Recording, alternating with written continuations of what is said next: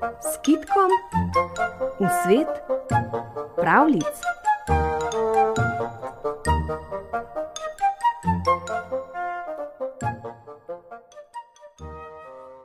Živela sta dedek in babica in sta imela vnučko Mašo. Popovdne so prišle deklice iz vasi in so poprosile: Ali sme Maša z nami v gost nabirati rdeče jagode? Sme, sta rekla dedek in babica. A pazite na njo, da se ne bo v gozdu izgubila. Deklice in Maša so šle v gost in nabirale jagode. Maša je stekla malo v stran, tja, kjer so se skrivale najbolj rdeče jagode, in že ni videla nobene deklice več. Hodila je po gozdu, dalje in dalje, klicala je deklice, a nobena se ji ni oglasila, saj je niso slišale.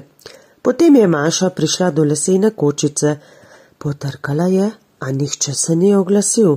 Pritisnila je na kljuko in vrata so se odprla. Maša je šla v izbo, se usedla na klop in zadremala. To je bila medvedova koča. Ko se je medved zvečer vrnil domov, je zagledal deklico in se razveselil. Imenitno! je rekel. Zdaj boš živela pri meni, kuhala mi boš in lonce pomivala pa hlače prala. Ne bom, je zajokala Maša. Rada bi šla domov k detku in babici. Ne boš, je rekel medved. Pri meni boš ostala, kočico boš pometala in menico patešivala. In tako se je zgodilo. Maša je ostala v medvedovi koči, kuhala je, lonce pomivala, izbo pometala, hlače prala in copate šivala. Noč in dan je mislila in mislila, kako bi šla domov k detku in babici, in se je domislila. Striček medved, je rekla, e, ponesi darilo detku in babici. Ponesem, Maša, le speci medenjakove kolačke. In Maša je napekla medenjakovih kolačkov še in še, na to je poiskala velik pleten koš. Striček medved, je rekla, poglej, v koš bom naložila medenjakovih kolačkov in odnesel jih boš v našo vas k detku in babici. Toda pazi, pazi, nobenega kolačka ne smeš pojesti. Splezala bom na smreko in gledala za teboj, Medved je šel iz izbe, a Maša je zlezla v koš in se pokrila z medenjakovimi kolački. Ko se je medved vrnil, je videl, da je koš do vrha poven. Oprtal si ga je in podal na pot v vas k detku in babici. Hodil je in hodil, potem pa se je ustavil, odložil koš in si rekel: Na štor se bom usedel, kolaček bom pojedel. Maša pa se je oglasila iz koša.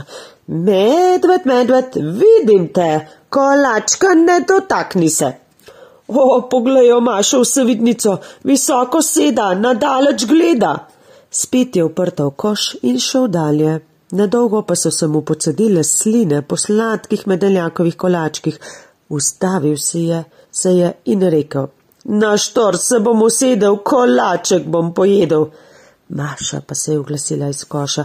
Medved, medved, vidim te, kolačkov ne dotakni se. Poglajo no, je zabrundal medved, kako je Maša pametna, visoko seda nadaleč gleda.